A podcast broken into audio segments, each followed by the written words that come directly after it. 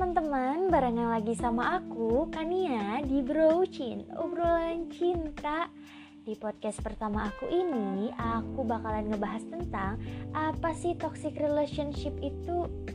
Atau dari kalian ada yang lagi di fase ini, tapi kalian gak sadar? Supaya kalian gak penasaran lagi, aku bakalan bahas dan tetap stay tune di Brocin, obrolan cinta. Kalian udah tahu belum pengertian dari toxic relationship?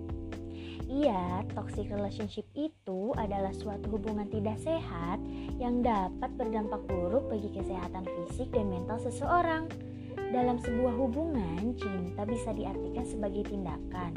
Namun, tindakan ini justru membuat satu sama lain terluka. Terkadang kita nggak sadar kalau hubungan yang lagi kita jalanin tuh lagi nggak baik namun kita tetap ngejalaninnya walaupun ada perasaan yang mengganjal. Pernah nggak kalian ngerasa pasangan kalian selalu melarang aktivitas yang lagi kalian lakuin? Atau kalian pernah ngerasain berantem terus-terusan gara-gara masalah yang sepele? Wah, patut diwaspadai nih, karena ini bisa menjadi faktor pemicu terjadinya toxic relationship.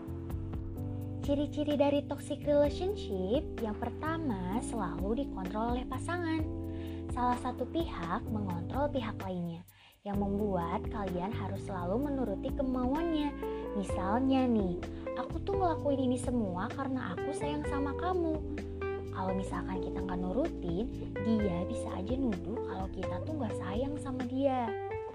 Yang kedua, sulit menjadi diri sendiri karena sering dikontrol oleh pasangan. Kita susah untuk menemukan dan menjadi diri kita sendiri. Karena sikap kita harus selalu mengikuti apa yang pasangan inginkan. Yang ketiga, sering dibohongin. Ayo, siapa di sini yang sering dibohongin atau ngebohongin pasangan? Padahal kejujuran itu adalah suatu pondasi untuk membentuk hubungan yang sehat. Namun, jika pasangan kamu sering berbohong dan menutupi banyak hal, maka itu sudah termasuk ke dalam toxic relationship. Masih banyak ciri-ciri yang lainnya, seperti dia sudah berani melakukan tindakan secara fisik kepada kita, entah itu memukul dan sebagainya.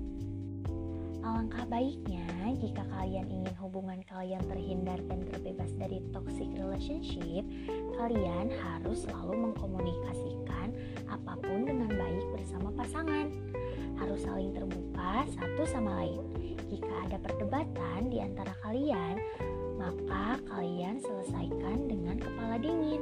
Namun, jika dirasa hubungan kalian tidak ada perubahan dan semakin menyiksa diri, lebih baik kalian sudahi saja, karena kesehatan mental dan fisik kita sendiri adalah yang terbaik.